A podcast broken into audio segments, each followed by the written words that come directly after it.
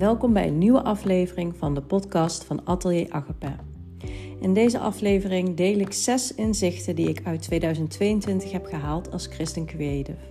Want als je creëert en het geestelijke stuk samen met God vergeet, kunnen onze creatieve talenten gewoon oppervlakkig worden. Je leunt op je talent in plaats van op God en je maakt met je kunstvorm geen echte impact. Streef er in 2023 naar om holy habits toe te passen voor je kunstvorm, om je geestelijk sterk te maken en je kunstvorm ware werken van worship te laten zijn.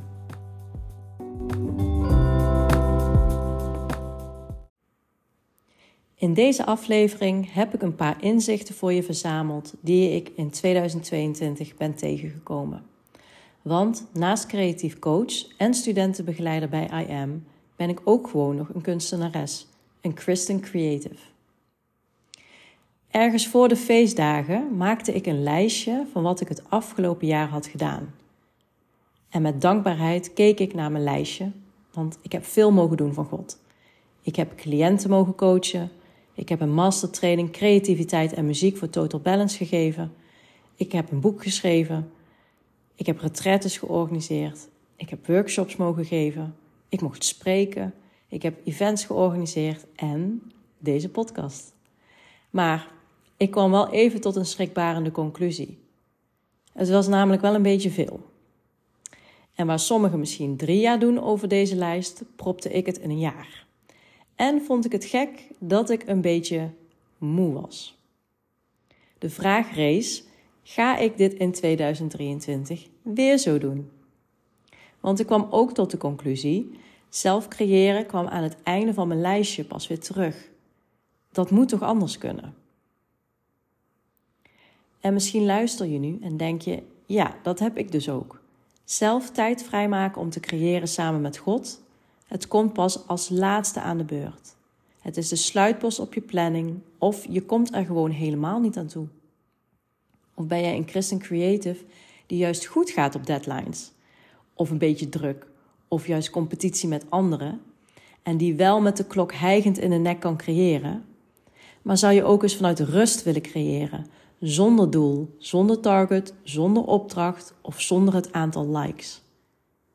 En wat zou het voor jou als Christian Creative betekenen als je niet zelf hoeft te bedenken wat je gaat maken? Hoe je het gaat maken en voor wie je het gaat maken, ongeacht je kunstvorm. Wat zou dat doen? Tegenwoordig zit er een druk op creatives, op makers, zowel binnen als buiten de kerk. De druk om een publiek aan te spreken. Dat ze direct gepakt moeten worden. Dat het publiek stopt met wat ze aan het doen zijn. En stoppen met scrollen. Misschien een side effect hoor van onze social media maatschappij, maar de scrollstopper of het verrassingselement, het was in de tijd van Jezus ook al aanwezig. Mensen willen verrast worden met datgene wat ze nog niet kennen. Want eerlijk, hoe houd je de aandacht van je publiek vast als je niet eens hun aandacht trekt, toch? Maar die druk dus. Het kan voelen als een last als je steeds van het ene spektakel naar het andere spektakel race. Ik merkte bijvoorbeeld bij mezelf dat steeds groter, mooier, interessanter me een beetje tegen ging staan. In de content die ik deelde bijvoorbeeld, in het werk wat ik maakte, ik werd er niet productiever van. Terwijl ik om me heen wel creatives zag die het wel zo aanpakten. Die meer likes en meer volgers kregen als ze hun werk gingen delen. Ik had bijvoorbeeld ook een content planner aangeschaft. Ik had een indeling gemaakt van hoe ik mijn kunst zou gaan maken. Hoe ik het zou gaan categoriseren. Hoe ik het aan de man zou brengen. Maar heel eerlijk, het werkte niet voor mij. Een tijdje later kwam ik uh, als uh, creatief coach in aanraking met een Amerikaanse christelijke kunstenares. En zij schreef dat ze mislukte pogingen ook als kunst zag. Iedere dag maken was het doel, God ontmoeten. Ongeacht wat eruit kwam. Ik vond het eerlijk gezegd een verademing om dat te lezen. En misschien kijk je naar je kunstvorm en zie jij niet in hoe je er zonder de druk van Insta, YouTube of een podium, hoe je daar nou impact mee kunt maken, binnen of buiten de kerk.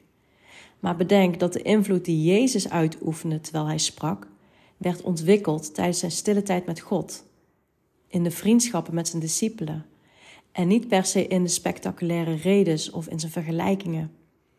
In plaats van dus de druk te voelen om te presteren, zouden we druk moeten voelen om tijd met God door te brengen. Om opgebouwd te worden in plaats van de aandacht willen pakken. Eerst tijd met Hem, dat is ons doel. Tijdens de online training Ondernemen kan je leren van Elsa Schadelij leerde ik dat je je werkdag als ondernemer mag beginnen aan zijn voeten. Nou, ondernemer, Christian Creative, het is hetzelfde. Veel creators worden opgeleid en getraind met het idee dat wat je maakt iets zegt over jou als maker. Dat je identiteit afhangt van je kunstvorm. Op de kunstacademie kreeg ik dat ook mee. En kunst werd zo verweven met je hele persoonlijkheid. En dat betekende dus dat als je kunst geen volle zalen trok, dat als je kunst niet werd verkocht of werd aangeprezen, dat dat wat dus zei over jou als persoon. Met als gevolg dat er een hele lichting afstudeerde met de illusie dat ze een failure waren. Dat ze dus geen echte kunstenaar waren, dat ze niet goed genoeg waren en dus maar iets voor erbij moesten gaan zoeken. Ik was daar één van. En dat is niet het beeld van God voor zijn creatives. Want wat nou als je kunstvorm je tegen begint te staan? Mag je dan niet iets anders gaan doen? Of mag je niet kiezen voor een andere werkwijze of discipline? Mag je maar één ding kiezen? Ik liep mee met een paar creatives uit de dans- en theaterwereld afgelopen jaar. En voor hen was het juist een verademing om deze vragen los te laten en te vragen aan God: Heer, wat mag ik van u gaan maken? En verrassend, soms was het wel dans, soms was het wel theater en soms ook niet. En het was goed. Dit zijn de belangrijkste inzichten die ik persoonlijk het afgelopen jaar heb geleerd. Van mijn eigen creatieve reis, maar ook van de creatieve reizen van anderen. Want het is zo goed om te beseffen hè, dat God gerichte plannen heeft voor jouw kunstvorm. Hij neemt jou en je talenten serieus. En ik wil je echt bemoedigen om jezelf daarin te trainen. Met goede gewoontes, holy habits. Zodat je talenten die je van God hebt gekregen ook echt kunt vermeerderen. Dat ze vruchten zullen afgeven, zoals Matthäus 25 ook zegt. Goed. Als eerste, start iedere dag en ieder project met gebed. Filippenzen 4, vers 6 vers tot en met 7 zegt: Wees over niets bezorgd, maar vraag in alle omstandigheden aan God wat u nodig hebt en dank Hem in uw gebeden. Dan zal de vrede van God, die alle verstand te boven gaat, uw gedachten of uw hart en gedachten in Christus Jezus bewaren. Ik merkte dat ik wel al uh, bad op dagen dat ik werkte, uh, dat ik al uh, bad om de dag te beginnen. Ik las de Bijbel. Maar ik deed dit dus niet als ik bewust iets ging creëren. En eigenlijk een beetje gek toch? Want ook als je creëert ben je aan het werk. Dus bijvoorbeeld iedere keer als ik eh, content aan het maken was voor op social media... of als ik iets aan het maken was voor mezelf in mijn journal... of een kunstwerk wilde maken... ik begon op een gegeven moment te merken dat ik wat miste. Het begon een beetje te schuren zelf. Dat ik zelf ook wel opmerkte dat mijn kunst dus wat miste. En dit inzicht kwam eigenlijk pas tijdens de sprekerstudie die ik heb gevolgd van Sermon Movement Center, waar ik leerde om een preek te maken aan de hand van de methode van Henk Stoorvogel. Het creatieve proces, ongeacht wat je maakt, of het nou een preek is, een gedicht of een kunstwerk of een dans, het creatieve proces begint bij hem. Dus bid en vraag wat je mag maken. Praat met hem terwijl je maakt. Bespreek wat je nodig hebt als je vastloopt. Bespreek ook je zorgen als je denkt: oh, dit gaat niet helemaal goed. God maakt namelijk geen onderscheid of je nu aan het koken bent, of je nou een examen maakt of een kunstwerk. Hij wil erbij zijn, begin tot eind. En dat geeft vrede. En het geeft nieuwe inzichten. Het geeft nieuwe inspiratie. Het geeft vreugde. En dat maakt ook dat je met een dankbaar hart kunt creëren. Als tweede, Lees de Bijbel en vind inspiratie. In Psalm 119, vers 105 staat: Uw woord is een lamp voor mijn voet en een licht op mijn pad. Is het jou wel eens opgevallen dat meer dan 40% van de Bijbel bestaat uit verhalen? Dan heb je nog 30% aan gedichten en de rest zijn overige naslagwerken, brieven en tellingen. Maar het grote deel van de Bijbel bestaat dus uit verhalen met een kop en een staart, een hoofdpersoon, een reis, een vijand om te overwinnen en een les om te leren. Waarom? Omdat God ons kent. Hij weet dat we Zijn wijsheid beter opnemen en onthouden door middel van een verhaal. We maken daar het plaatje bij in ons hoofd en voilà. Dat plaatje, daar kunnen we als creatives nog alle kanten mee op. Het zijn startpunten voor nieuwe verhalen, voor nieuwe reizen, waar anderen zich in, weer in kunnen herkennen. En als je zo naar de Bijbel kijkt, heb je een boek met duizenden journal prompts. Starters voor gedichten, voor elfjes, voor schilderingen, voor dansen, voor theaterstukken en meer. Met name het verhaal van de bloedvloeiende vrouw heeft mij afgelopen jaar meegenomen in een dans. Een dans waarvan ik dacht: hey, dit gaat over mij. Dat ik ging nadenken over mijn leven. Aan wat God voor mij persoonlijk heeft gedaan en hoe zijn leiding kan voelen als een dans. Dus welk verhaal uit de Bijbel inspireert jou? Welk verhaal ligt voor jou op en eh, laat een nieuw pad zien, een nieuwe inspiratie? Als derde, voorkom burn-out door rust. Matthäus 11, vers 28 zegt: Kom alle bij mij, jullie die vermoeid zijn en onder lasten gebukt gaan. Ik zal jullie rust geven. Zoals ik al zei, had ik een lijstje gemaakt hè, uh, aan het begin van de feestdagen wat ik afgelopen jaar had gecreëerd. Een online programma, een aantal retraites, workshops, spreken, één op één coaching.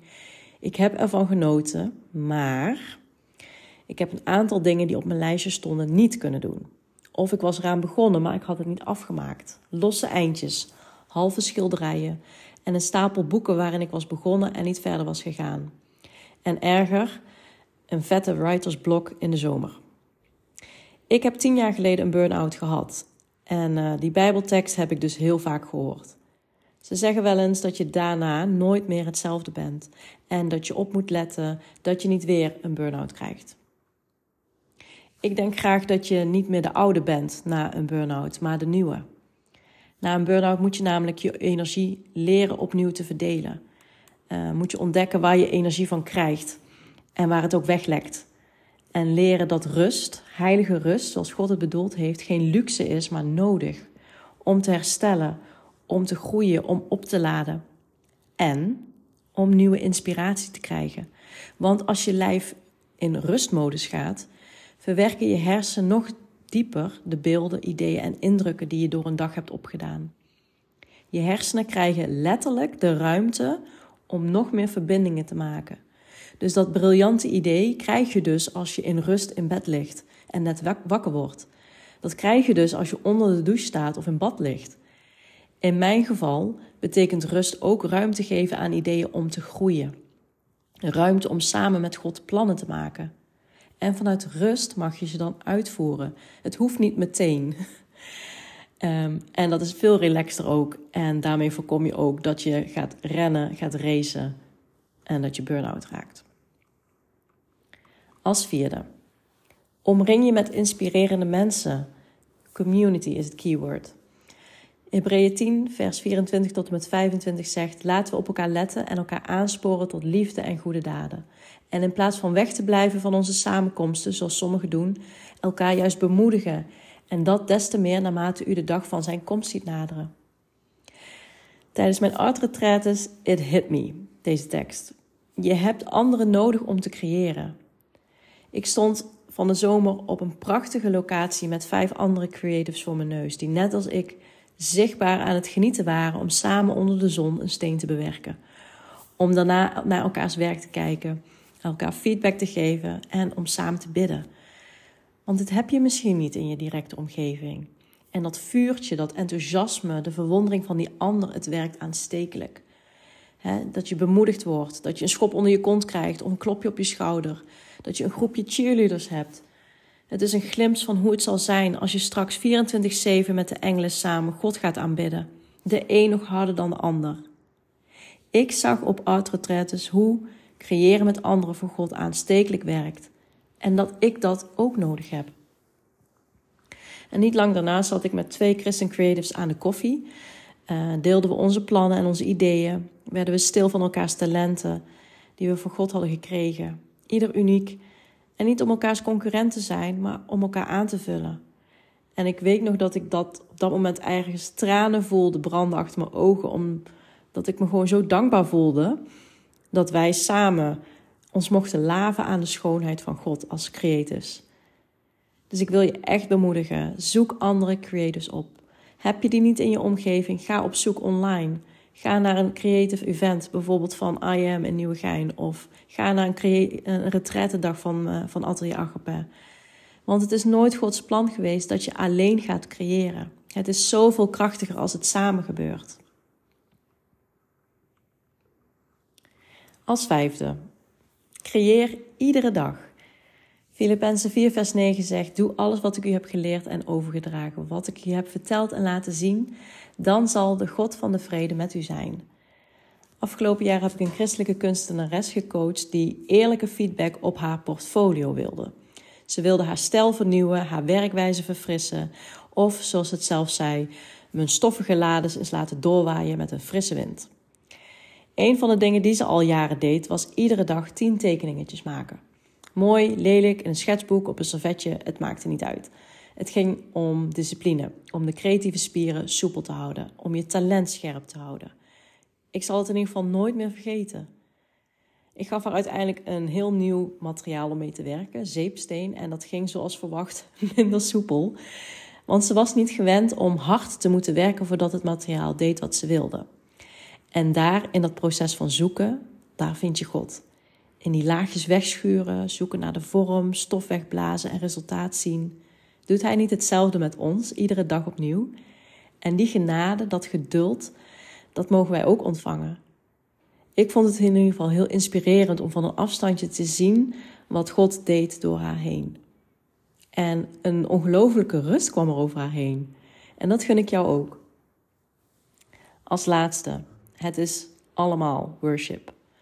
Johannes 4, vers 23 zegt: Maar er komt een tijd, en die tijd is nu gekomen, dat wie de Vader echt aanbidt, hem aanbidt, vervuld van geest en waarheid. De Vader zoekt mensen die hem zo aanbidden. Jouw kunstvorm is geen werk, het is geen verdienmodel, het is niet je identiteit, het is geen golden ticket.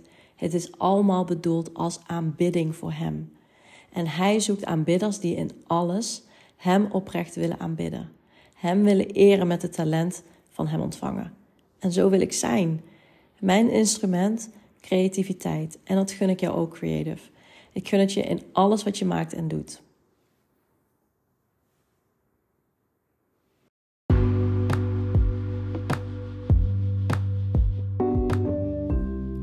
Wil jij na het luisteren van de podcast van Atelier Agape een creative kickstart voor je kunstvorm, je art business, coachpraktijk of bediening? Of wil je er juist eentje starten? Wil je een nieuw seizoen ingaan met God? Dit voorjaar heb ik nog een aantal plekken voor één op één coach trajecten. Of ga je mee op artretretten in februari of mei? Liever je eigen tempo bepalen? Op 6 maart start de derde ronde van She Creates, mijn online programma om samen met God te creëren. Kom en sta op Christen Creative. Word zichtbaar, want creatives zijn nodig in het Koninkrijk van God om Zijn schoonheid te laten zien. En boek nu voor 31 januari en ontvang 25% korting op je prijs. Stuur me een mail via info.atelieragape.nl en laten we beginnen.